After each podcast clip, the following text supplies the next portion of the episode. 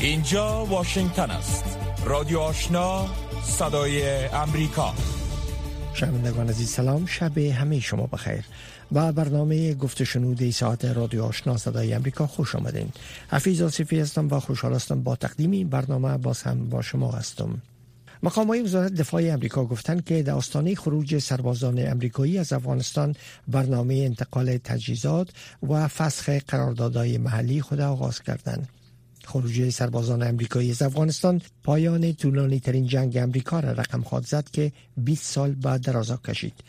در برنامه امشب گفته شنود در رابطه با خروج نیروهای خارجی از افغانستان و سرنوشت کنفرانس ترکیه بر صلح افغانستان صحبت می‌کنیم. اما قبل از تقدیم برنامه در سرآغاز توجه کنین به تازه ترین خبرهای افغانستان منطقه و جهان که خالد مفتون با توجه میرسانه. سلام و وقت بخیر. مقام های امنیتی در ولایت قندهار امروز دوشنبه از درگیری نیروهای سرحدی افغانستان و پاکستان در منطقه مرزی میانند کشور خبر دادند. یحیی علوی سخنگوی قلوردی 205 اتل گفته است که درگیری پس از آن آغاز شد که نظامیان پاکستانی در تلاش نصب سیم خاردار در روستای لقمان ولسوالی اسپین بولدک قندهار بودند. آقای علوی گفت که این درگیری ها حوالی ساعت 9 صبح دوشنبه به وقت محل آغاز شد و یک ساعت ادامه داشت. به گفته وی در این درگیری یک پلیس سرحدی افغانستان زخمی شده است. مقام های محلی ولایت قندهار می‌گویند که مسیر اسپین بولدک چمن پس از درگیری مرزبانان افغانستان و پاکستان بر روی هر گونه رفت آمد مسدود شده و تا زمان حل این مشکل این گذرگاه مسدود باقی خواهد ماند مقام های پاکستانی تا حال در مورد تبصره نکردند. در سوی دیگر مقام های محلی ولایت قندهار امروز دوشنبه همچنان گفتند که به اثر انفجار ماین کنار جاده در آن ولایت پنج منصوب امنیتی به شمول قماندان قطعه 06 پلیس کشته و سی تن دیگر زخمی شدند.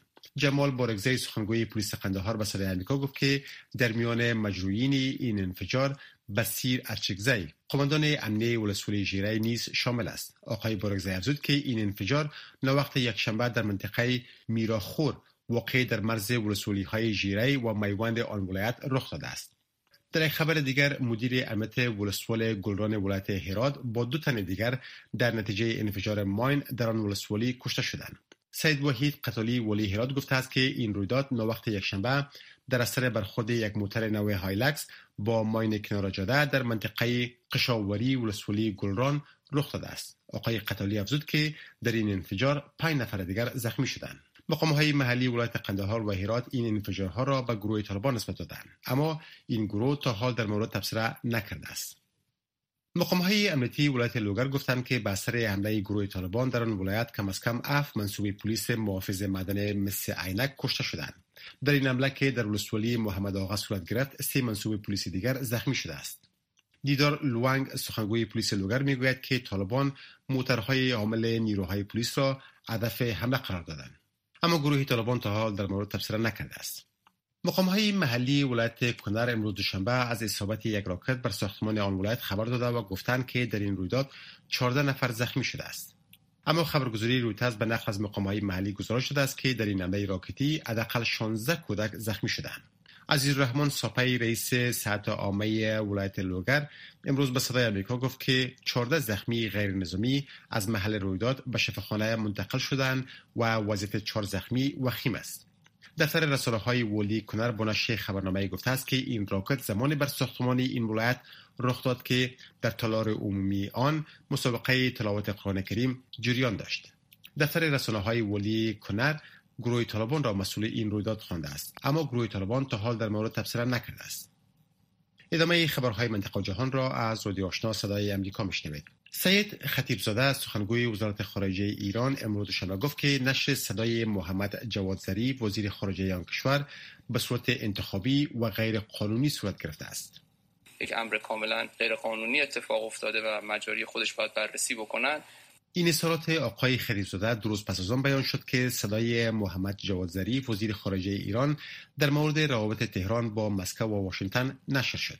در فایل صوتی آقای ظریف که افشا شده وزیر خارجه ایران گفته است روسیه نمی‌خواهد توافق اسیایی با کشورهای غربی به امضا برسد. روسیه چه زمانی موافقت کرد که آقای سلیمانی به سفر مسکو بره وقتی دید برجام داره امضا وقتی برجام امضا شد روسیه در هفته آخر امضای برجام همونجور که اون عکس رو اگر ببینید که وزیر خارجه روسیه در عکس نیست حد اکثر تلاشش رو کرد که برجام به نتیجه نرسه. این حرفا رو حتما نمی‌تونید هیچ وقت منتشر کنید. در بخشی از این مصاحبه آقای ظریف گفته شده است که روسیه فقط خواهان جلوگیری از بروز بحران میان ایران و غرب است. نه بهبود روابط تهران با غرب. روسیه به نفعش هست که در روابط ما و غرب بحران نباشه. اما به نفعش نیست که روابط ما و غرب عادی سازی بشه.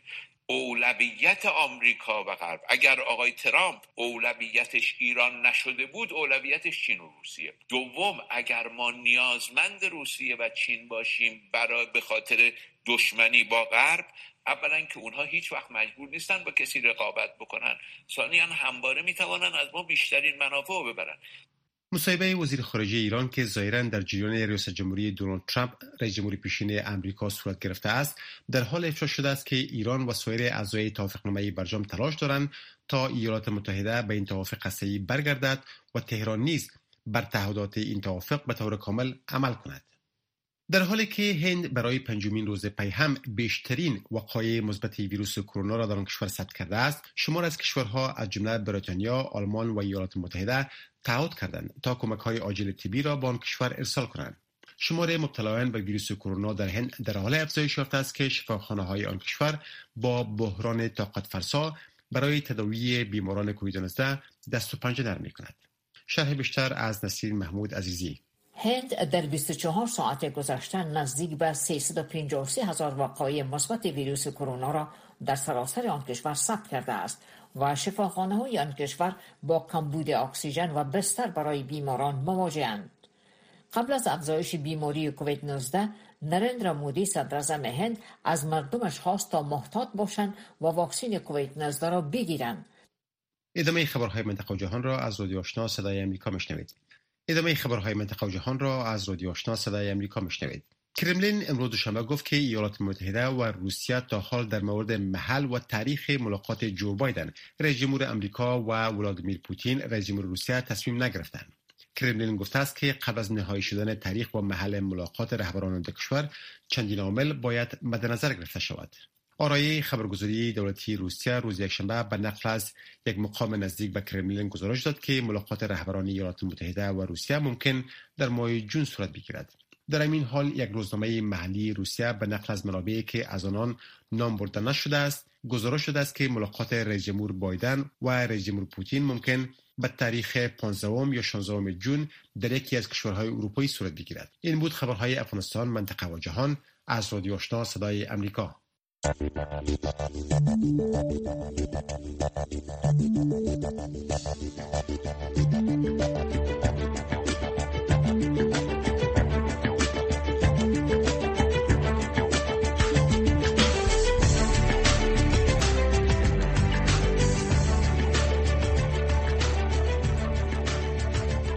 خبرهای افغانستان منطقه و جهان از رادیو آشنا صدای امریکا شنیدین. حال هم توجه کنین و این برنامه گفت شنود.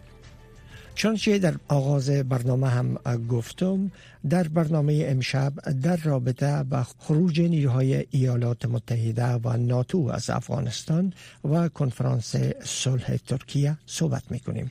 مهمان برنامه جناب آقای سید نجیب محمود استاد حقوق و دیپلماسی در پوانتون کابل هستند.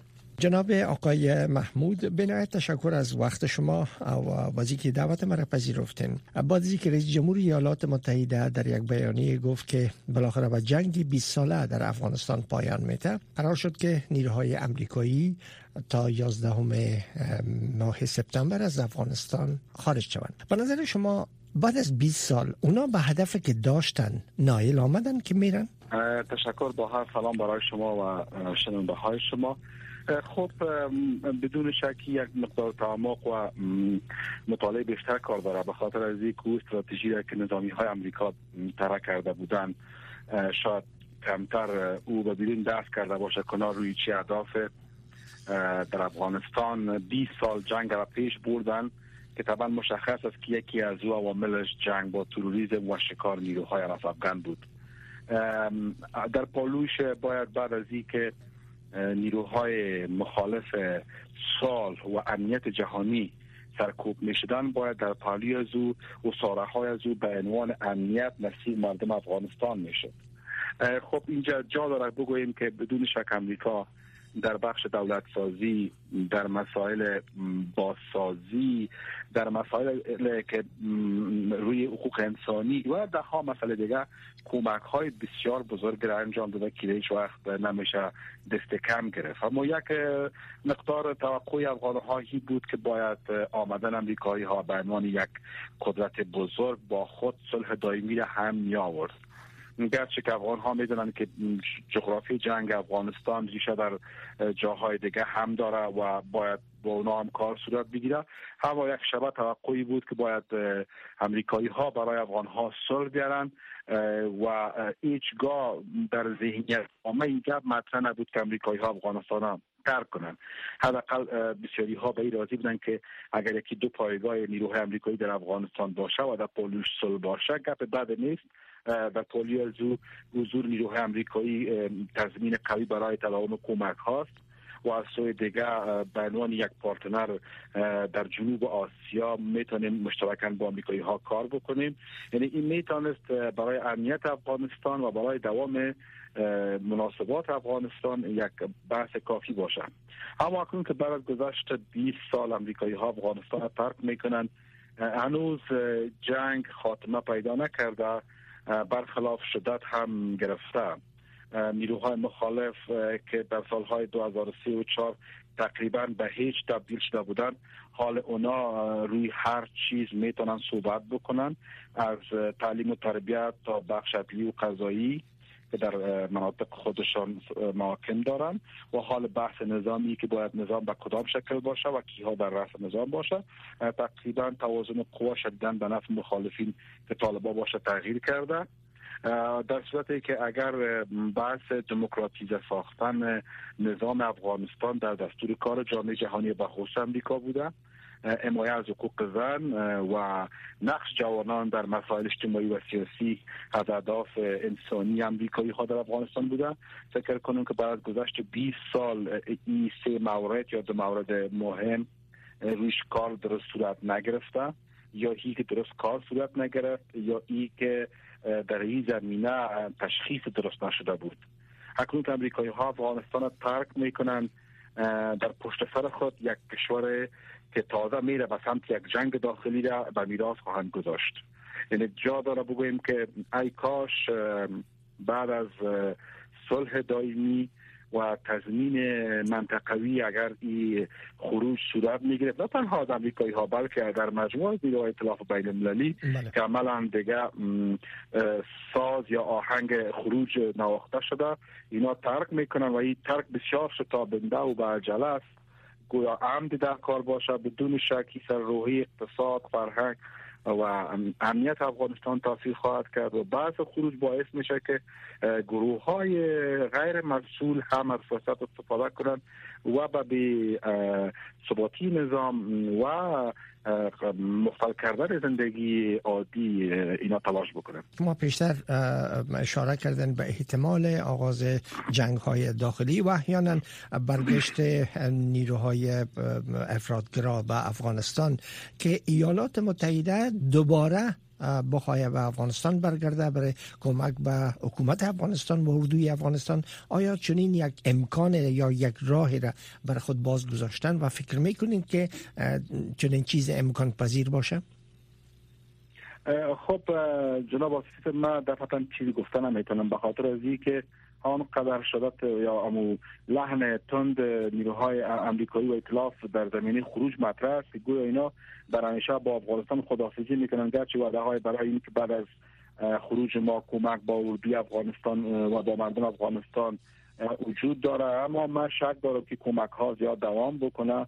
چون در صورتی که اگر حکومت بعدی به روی کار بیه یا اگر حکومت موقت روی کار بیه و مخالفین در حضور داشته باشه و بدون شک شرطهایشان یکی هم این که نحوه کمک ها به کدام صورت صورت بگیره و مطرح از سوی دیگه جغرافی افغانستان با جغرافی بسیار کشورهای دیگه که نیروهای امریکایی حضور داره فرق داره. به خاطر از که چین اتمی ایران نیمه اتمی پاکستان اتمی کم دورتر روسیه اتمی در منطقه نظارگر وضعیت هستند و اونا شدیدا تعاملات افغانستان مطالعه می‌کنن که به کدام سمت پیش میره. برای امریکایی خیلی دشوار است. بعد از اینکه افغانستان ترک کنه شدیدا جنگ های نیابتی شروع خواهد شد و هر کس شاید بخواهد که کسی در اختیار خود داشته باشه. و شاید اصلا جنگ بعدی افغانستان به عنوان تهدید برای منافع امریکا نباشه. یعنی یک جنگ نباشه که بخواد یک موقع امریکا را شکار بکنه. بلکه جنگ بین خود افغان هاست که همیشه بر سبیل عادت اینا بین خود جنگیدن باز خواهند جنگید. شاید دو زمان دلچسپی برای پنتاگون و نیروهای امنیتی امریکا وجود نداشته باشه که بیان و مشکل افغان ها حل بکنن. اونا به این فکر خوابن که افغان ها هیچ گاهی نمی‌خوان به سمت زندگی عادی و سلحامیز برن. اینا با جنگ کلان شدن و شاید لذت زندگی در جنگ باشه. شاید اونا و خلاقه نداشته باشن. و از سوی دیگه احتمال از که ایده جنگ به دیگه موضوعات زیاد تمرکز بکنه جمله مسائل قومی مذهبی هم در مسائل افغانستان دخیل است. من فکر می‌کنم که اگر جنگ افغانستان یک بار دیگه مشتحل شود. بهانه ها و عرف های نو در جنگ افغانستان دخیل خواهد شد که هیچ نوع دلچسپی برای نیروهای امریکایی که بر بگردن به افغانستان نخواهد داشت. اما در صورتی که اگر خروج اینا به عنوان یک خطا استراتژیک محاسبه می‌کنن و علاقه می‌گیرن که دوباره نیروی اعزام بکنن این هم یک تصمیم بسیار کلان است که خواهند گرفت. به خاطر از که روزگار آقای خلیلزاد از سوال شد که چرا شما به افغانستان توجه کم دارید؟ گفت امریکا شباید یک کشتی بزرگ داره. وقتی که می‌خواد به یک سمت تغییر جهت به سالها را در بر می‌گیره ما فکر می‌کنیم میگه در این جهان صدق خواهد پیدا کرد در صورتی که بخواهند دوباره به افغانستان در بگردن باید محاسبه بکنن که ضریب توانمندی قدرت های منطقه‌ای و خصوص ایران پاکستان و چین در چی است؟ آیا امریکا این چانس یا این فرصت خواهد داشت که دوباره بیاید؟ و مانند سالهای بعد از 2001 مناطق استراتژیک افغانستان پایدار سازی بکنه و برای این که هم ما را و هم خود نجات بده کار بکنه. فکر می‌کنم اون زمان شرایط و زمان تغییر خواهد کرد. فکر می‌کنین که یک قدرت منطقه‌ای بتونه بخواهی جاگزین ایالات متحده شود در صورتی که جنگ ها در افغانستان آغاز شود کشور مانند روسیه یا چین؟ خب آقای شما می‌دانیم که در سالهای اخیر چین و روسیه بسیار کوشش می‌کنن که قدرت خودشان یا امو داشته های سخت افزاریشان در مسائل بین ملی به نمایش بگذارن و بدون شک به این سالها اونا روی تسلیحات غیر متعارف کار کردن و این امریکایی ها دقیق می‌دانند. و خصوصی که افغانستان در آسیا حضور داره و چین و روسیه نزدیک افغانستان است. فکر بکنم که زیاد متوجه این نقطه خواهند بود. یعنی باید در قدم نخست امریکایی ها بهانه خروج مطرح نمی‌کردن. می‌شد با گروه های سیاسی کار کرد. اونا را به این تفاهم رساند. که نیروی امریکایی در کره جنوبی است یا در ژاپن است. یک تفاهم دوستانه به اساس منافع دو طرف برسن و خروج اینا با تعلیق بردن اما وقتی که امریکایی ها از افغانستان برن باور می است. گروه های دیگه شدیدن می‌خواین که از این خلای موجوده یا نبود امریکایی ها در افغانستان استفاده بکنن و قابلیت های خود به عنوان یک نیروی نفوذی در داخل افغانستان بیشتر بکنن. فراموش نکنیم که امریکایی ها می‌دانستند که استخبارات کشورهای منطقه و در مجموع قدرت های مطرح در آسیا در قبال افغانستان فعال بود. استخبارات پاکستان ایران روسیه ترکیه چین سعودی همه به شکل از اشکال در صدای تامین منافع خود در افغانستان بودند. من نمی‌دونم تا چی اندازه این خروج محاسبه شده است. آیا در پشت خروج کسانی خواهند بود که منافع امریکا را تامین بکنند در افغانستان؟ آیا اردو و دولت موجوده افغانستان به این شهامت و به این هوشمندی رسیدن که در تفاهم با نیروهای امریکایی و, روابط اصلی که با امریکایی ها دارن و کمک هایی که از او آدرس می‌رسه بتانن نیروهای مخالف مهار بکنن که یک مقدار تحلیل زیاد درست نخواد باشه. تشکر جناب آقای محمود. آیا فکر می‌کنین که در صورت ضرورت بعد از خروج نیروهای خارجی از افغانستان در صورت بروز جنگ ها و هرج مرج در داخل افغانستان در صورت تقاضای افغانستان نیروهای نظامی جهان اسلام هم بتانه وارد عمل شن نیروهای مثلا نظامی امارات متحده عرب نیروهای نظامی عربستان بتانن وارد عمل شن و در افغانستان پیاده شوند؟ خب چیزی که مهم است است که ما فعلا با یک نیروی اطلاف خدافزی می‌کنیم. نیروهای اطلافی که قویا از پتانسیل بزرگ برای جنگ و مهار دشمن برخوردار بودن وقتی که اونا افغانستان ترک می‌کنن و در صورتی که بعدها دولت افغانستان تقاضای از نیروهای بین المللی بکنن که وارد افغانستان شود من شک دارم که نیروهای کشورهای اسلامی وارد افغانستان شود برای این که اول کشورهای اسلامی با هم روابط خوب ندارن. به گونه مثال اگر شما فکر بکنید قطر با سعودی ایران با پاکستان با می ترتیب یک جمع و یک اجماع بسیار خوب را به خاطر از اینکه بخواین در افغانستان به صلح بپردازن امکان پذیر نیست. از دیگه کشورها احتمالا آل یا در گذشته از بعض گروه های بومی افغانستان مایه کردن. یعنی در اینجا بیش از این که اینا برای یک نیروی بیطرف وارد عمل شوند و آیل واقع شوند بین طرفین جنگ این بیشتر شواهد باید که نیروهای خارجی برای امداد به یک بخش از کمک های یا امو نیروهای نیابتی که در داخل افغانستان وجود داره و کمک از اونا میه پس من فکر نکنم که این گزینه گزینه باشه که صلح در افغانستان تامین بکنه فعلا ما وارد یک فاز جدید از بحران شدیم و باور من است که در صورت که اگر برای آینده افغانستان به خصوص نشسته پیشرویی که در ترکیه است اگر امریکا فشار نیاره غرب فشار نیاره و تضمین تضمین محکم از کشورهایی که در مسئله صلح افغانستان به خصوص کشورهای منطقه داخل هستند نگیره بدون شک دولت افغانستان در گام نخست با چلنج های بسیار جدی نظامی مواجه خواهد بود و در صورت تصیف دولت فکر کنم که بخش بزرگ از افغانستان بدتر از دهه 90 وارد جنگ های داخلی خواهد شد. شما اشاره کردین به کنفرانس ترکیه. نیروهای نظامی خارجی از افغانستان در حال خارج میشن که سرنوشت کنفرانس ترکیه با اعلام طالبان که در او اشتراک نخواد کردن بسیار نامعلوم و مبهم است. چی فکر می‌کنین که دلایل طالبان برای عدم اشتراک در کنفرانس ترکیه چی هست؟ آیا اونا می‌خواین که به تعویق انداختن و یا اشتراک نکردن امتیازات بیشتر به دست بیارن؟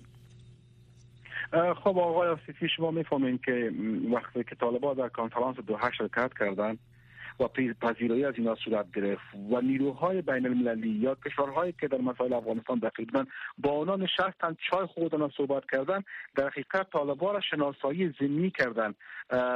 یعنی اینا به عنوان یک نیروی که می‌خواهند وارد سیستم شوند وارد دولت شوند پذیرفتن. پس به شکل آنی اینا از یک گروه تروریست به یک گروه نظامی مخالف یک سیستم تبدیل شدن. نه مخالف نظم جهانی. یک. دو طالبا بسیار محتاطانه و دقیق در این بازی حرکت می‌کنن. اونا از خروج نیروها استفاده کافی خواد کردن. اونا از فساد و از بیعلاقگی مردم که در داخل نظام وجود داره و از نظام متنفر هستند از این استفاده خواهند کرد. اونا از فقر فراگیر استفاده خواهند کرد.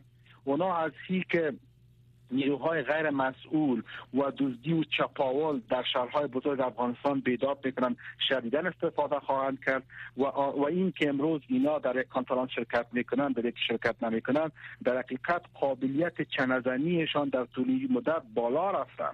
و هاکنون که امریکایی ها به یک نیاز دارن مجبور مجبوریتشان ایست که احساس کنند که باید با طالبان یک مقدار به مدارا برخورد کنند تا همین کشتی صلح بندر برسه. در صورتی که اگر این برنامه موفقانه پیش نره بدون شک در افکار غرب یک سوالی خواهد بود که امریکایی ها نتانستن یک برنامه صلح را مدیریت بکنند دوم ای که او بحث خروج عملا شروع شده. دیگه امریکایی ها برای اینکه طالبان شرکت نکردن در کنفرانس ترکیه بر نخواهند گشت. فکر می‌کنم تا اندازه زیاد را طالبا در این موضوع بسیار محتاطانه بازی می‌کنند و عملا دو بحث کلان که بحث خروج و بحث آزادی زندانی خود اینا مطرح کردن و در صورتی که ایر طالبا به دست گرن اینا هفت هزار جنگجوی خود از زندان رها کردن. و در صورتی که اگر رها نشه بهانه بسیار کافی برای عدم حضورشان در ترکیه مطرح میشن و گپ بعدی ولو که بحث کنفرانس ترکیه پیشنبه و نماینده طالبا هم مطرح شود من فکر نکنم که طالبا برای شخص دوم که در قدرت باشند چنه بزنن. اونا حکنون از تمام وضعیت موجود و از ثباتی نظام و حالت بد سیاسی آگاهی کافی دارن. فکر کنم که برای تسلط کامل بالای قدرت چه نخواهند دارد چندی پیش در یک مصاحبه که داشتم برای یک تحلیلگر ایشان چنین گفتن که برای افغانستان فعلا یک راه موجود است و او هم چنانچه آقای غنی در پیشنهاد خود مطرح کرده بود برگزاری یک انتخابات سراسری با حضور نماینده های طالبان چی فکر می‌کنین که چنین چیز آیا امکان پذیر است و آیا چنین چیزی را طالبان خواهند پذیرفت؟ تاریخ انتخابات افغانستان به خصوص در 20 سال گذشته نشان داد که یک انتخابات از انتخابات قبلی که در بدتر و مملو از فساد است. فکر کنم که اصلا دیگه یک حرف زیاد محکم و کانکریتی نیست که از او استقبال صورت بگیره. دوم هی که نسبت به اون سالهایی که چهار پنج سال پیش بود وضعیت زیاد تغییر کرده. بسیاری جاها دیگه برای انتخابات مصاحب نیست. تنها نمیشه در شهر کابل و شهر قندهار مزار شما انتخابات برگزار کنین. عدم حضور گسترده مردم در انتخابات قبلی برای کمی کردی کاندید آورد. نشان داد که مردم نسبت به سیستم انتخاباتی افغانستان بسیار بیعلاقه است. من فکر می‌کنم که بیشتر آقای غنی با این صحبت هایی که می‌کنه می‌خواه مانی بسیار جدی بالای روند موجوده که در ترکیه هست واقع شود. همه می‌دانیم که نه انتخابات می‌تونه به این زودی برگزار شود اونا هنوز نتونستن که انتخابات غزیر انتخابات پارلمانی غزیر برگزار بکنند. در صورت که توانمندی در نزد کمیسیون انتخابات وجود داشته باشد. اینا چطور می‌تونن در یک حالت اضطراری امگام با طالبا بتونن یک انتخابات را برگزار بکنن که شفاف باشه مورد قبول طالبا باشه مورد قبول سایر مخالفین سیاسی و جامعه بین المللی باشه من فکر می‌کنم که بیشتر شباهت به یک حکایت داره که در کهن سروده شده آیا خ... پس دورنمای صلح افغانستان و آینده را و خواست طالبا را شما در وجود آوردن یک حکومت موقت و یا انتقالی می‌بینید؟ خب این بستگی به این داره که چگونه طرف های درگیر می‌تونن در مباحثی که بعد از در ترکیه یا در دوحه یا در یک جای دیگه خواهند داشت به تفاهم دست پیدا کنن. فراموش نکنیم آقای آسیفی هر آن کسی که قدرت بیشتر داشت قابلیت چنزنی بیشتر دارند فکر نکنیم که تنها دولت افغانستان این قوت داره. فعلا دولت افغانستان نمی‌تونه خودش جمع جور بکنه. حتی نتونست یک تیم قوی ایجاد بکنه. و از سوی دیگر در این مذاکرات فعلا افغانستان تنهاست. در حالی که در پولی طالبا کشورهای عربی و احتمالا پاکستان است. پس قابلیت مانور از اونا و قابلیت چانزنی از اونا در مذاکرات خیلی بیشتر خواهد بود. با از او اما نباید ناامید شویم. این بستگی به ظرافت کسانی که در مذاکرات شرکت می‌کنن بحث می‌کنن که اونا واقعا می‌تونن روی یک حکومت موقت به توافق برسن. برای اینکه دولت افغانستان تا آخرین لحظه می‌خواد که خودش باشه و در صورتی که گزینه انتخابات موقت حکومت موقت مطرح باشه مورد نظر از اینا کسی کس او فکر کنیم بر طالبا قبول قابل قبول نیست. بسیار سخت است در این مقطع بگوییم که حکومت موقت خواهد آمد. کی خواهد آمد؟ برای این که تا زمانی که قناعت طالبا برای مشارکت در نشست های صلح با خلوص نیت مطرح نشه. بسیار زود است بگوییم که واقعا حکومت موقت نه یا نشست های صلح نتیجه میده. فعلا جنای طالبا گزینه سخت افزاری کمان جنگ است. روی از تاکید می‌کنن و در صورتی که روند شدت پیدا بکنه راه های گفتگو مذاکره شاید برای مدت طولانی قطع شود. به تشکر از جناب آقای محمود از حضور شما در برنامه.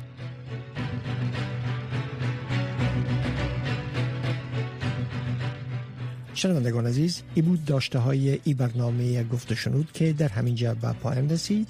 تا برنامه آینده که امیدوارستم باز هم با شما باشم شب خوشی بر همه شما آرزو می کنم